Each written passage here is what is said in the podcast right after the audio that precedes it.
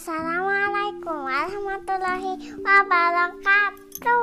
Hari ini kita mau mendengarkan kisah Nabi. Kisah Nabi Yahya. Ya, kisah Nabi ya, ya. Alaihi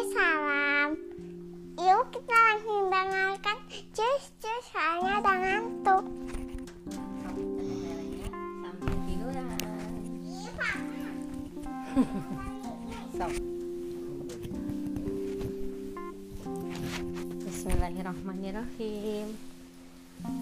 Kita akan mulai bercerita tentang kisah Nabi Yahya alaihi salam.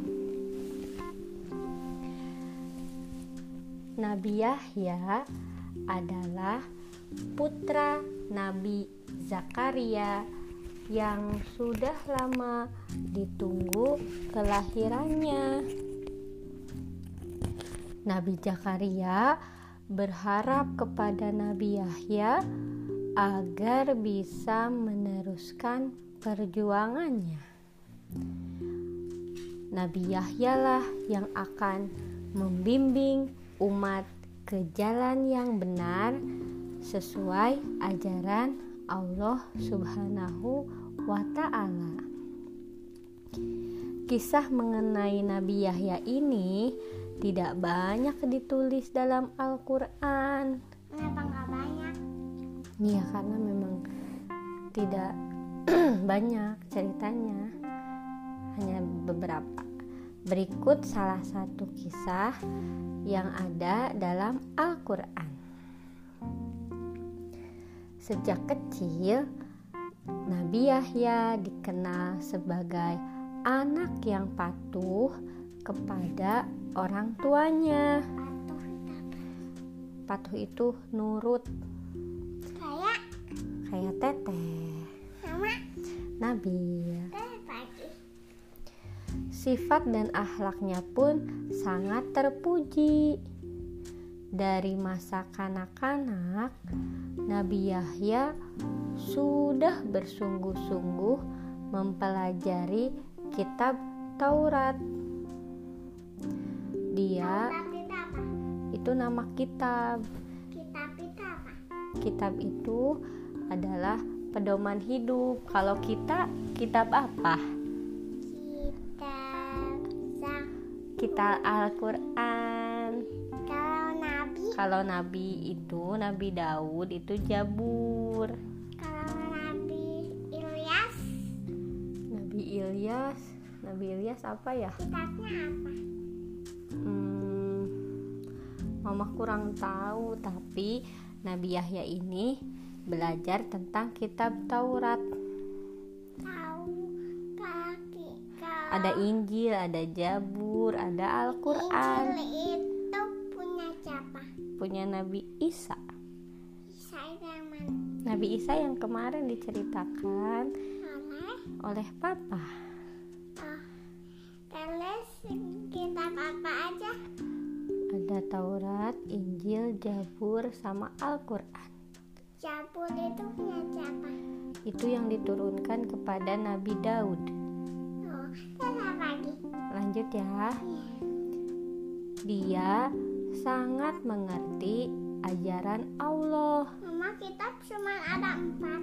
Iya ya, empat. Lalu diamalkannya ajaran yang ada dalam kitab tersebut untuk disampaikannya kepada umat.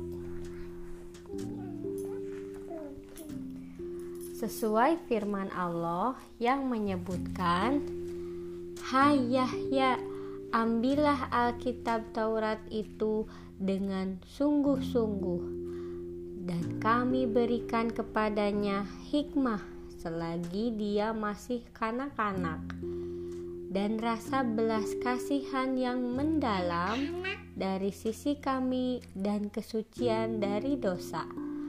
Dan dia adalah seorang yang bertakwa dan banyak berbakti kepada kedua orang tuanya. Dan bukanlah dia orang yang sombong lagi durhaka Quran surat Maryam ayat 12 sampai 14. Dosa itu apa? Itu perbuatan yang buruk. Dosa itu Maryam itu siapa? itu ibunya Nabi Isa. Sa. Terus apa lagi? Lanjut ya. Ya. Tak heran ketika menginjak dewasa, Nabi Yahya mulai berani berdakwah di depan banyak orang. Apa? Karena Nabi Yahya kan berani orangnya, pemberani. Emang kadang kalau lagi banyak orang kadang yang belum kenal kadang malu-malu dulu. Nah lama-lama jadi enggak.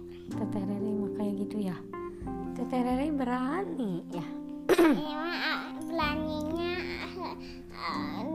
nanti dulu takut dulu. Oh, nungguin panas dulu. dulu Malu dulu. Nanti mah nggak malu gitu. Iya apa Iya. sudah gede mah. Teteh jadi anak berani ya. Siap? Ya tapi malu dulu kadang mah terus enggak.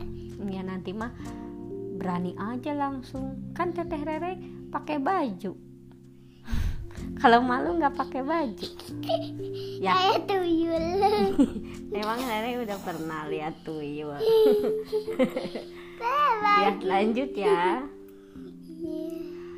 Bahkan Oh, Nabi ya. Oke, sebentar. Karena kepintarannya dalam berdakwah, kaum Bani Israel mulai tertarik mengikuti ajarannya. Nabi Yahya dikenal sangat berani dalam mengambil keputusan. Dia tidak takut dicerca banyak orang. Cica itu apa? Dicerca itu dimaki, dimarahi gitu. Kenapa?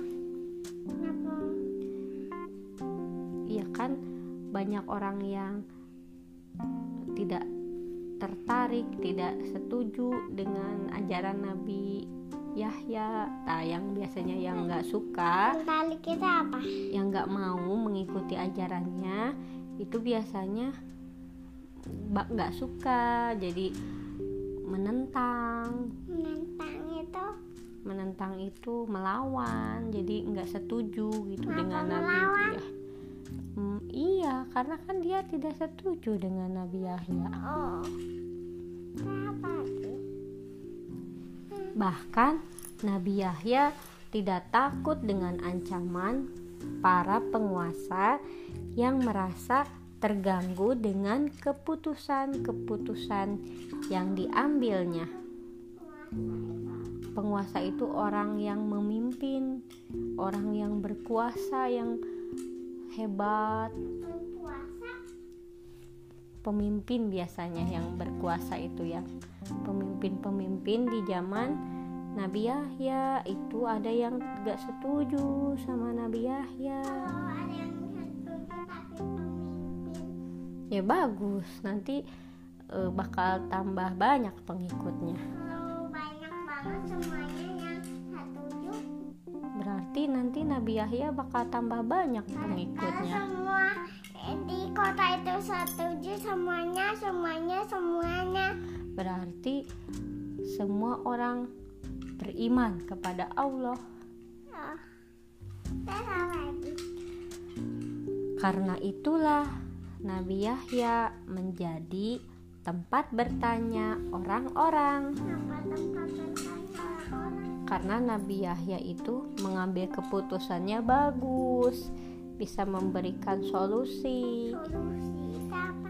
Solusi itu adalah jawaban dari pertanyaan-pertanyaan. Eh, so- solusi yang bagus-bagus. Iya, misalkan ada yang punya masalah nanti sama Nabi Yahya teh dikasih tahu harus begini begini. Oh iya betul. Jadi orang-orang banyak yang bertanya kepada Nabi Kenapa Yahya jadinya banyak yang bertanya? karena Nabi Yahya bagus mengambil keputusannya teh. Terus apa lagi? Terus ya. Suatu hari penguasa Palestina menyatakan akan menikahi keponakannya. Seluruh keluarga kerajaan segera menyiapkan pesta pernikahan. Kenapa segala namanya pengen nikahin siapa? Itu kan rajanya mau menikahi keponakannya. Ponakan itu apa? Keponakan itu putra dari adiknya, masih keluarganya. Nah, namun Nabi Yahya menentang pernikahan itu. Nantang itu apa? Menentang itu tidak setuju Kenapa nggak setuju? karena dalam ajarannya seorang paman tidak boleh menikahi keponakannya sendiri. Kenapa? Karena kan masih satu keluarga. Oh, ya harusnya satu orang nikahin sama orang yang orang lain. Iya harus dengan orang lain bukan dengan keluarga sendiri. Nah, tentu saja penentangan dari Nabi Yahya membuat penguasa tersebut marah ah, marah? karena dia kan nggak suka di, itu ditentang. Dia menganggap Nabi Yahya menghalangi rencananya untuk menikahi keponakannya. Kan kan rajanya itu berencana mau menikah dengan keponakannya, Tapi- karena suka dengan keponakannya. Kan? Iya, padahal banyak ya yang lain juga ya. Iya. Kan yang lain juga ada yang perempuannya Nah, lalu penguasa itu menyuruh prajuritnya agar menyingkirkan Nabi Yahya dengan menghilangkan nyawanya. Ketika Nabi Yahya sedang sholat, tiba-tiba seorang datang menyakiti beliau dari belakang. Nabi Yahya pun wafat dengan luka di kepalanya. Innalillahi wa inna ilaihi rajiun. Nabi Yahyanya meninggal. Udah selesai. Sedih ya? Padahal Nabi Yahya itu berani Tapi kenapa di dimeninggalin? karena penguasanya itu ya rajanya itu ya marah. Kenapa pas malahnya jadinya lagi sholat langsung di disakiti? Iya, karena kalau lagi sholat kan Nabi Yahyanya fokus berdoa. Kalau tidur kan enggak.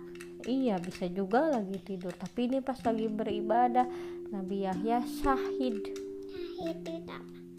Meninggal dalam keadaan yang baik, insya Allah masuk surga. Tapi kenapa disakiti? Kan Nabi Yahyanya nggak setuju.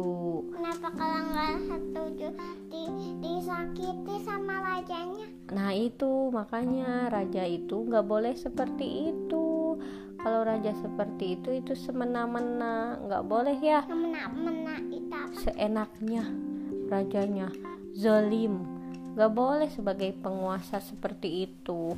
Karena ada yang nggak setuju dia malah uh, jahat menyakiti. Kalau- boleh ya. Kalau punya anak sendiri ya boleh.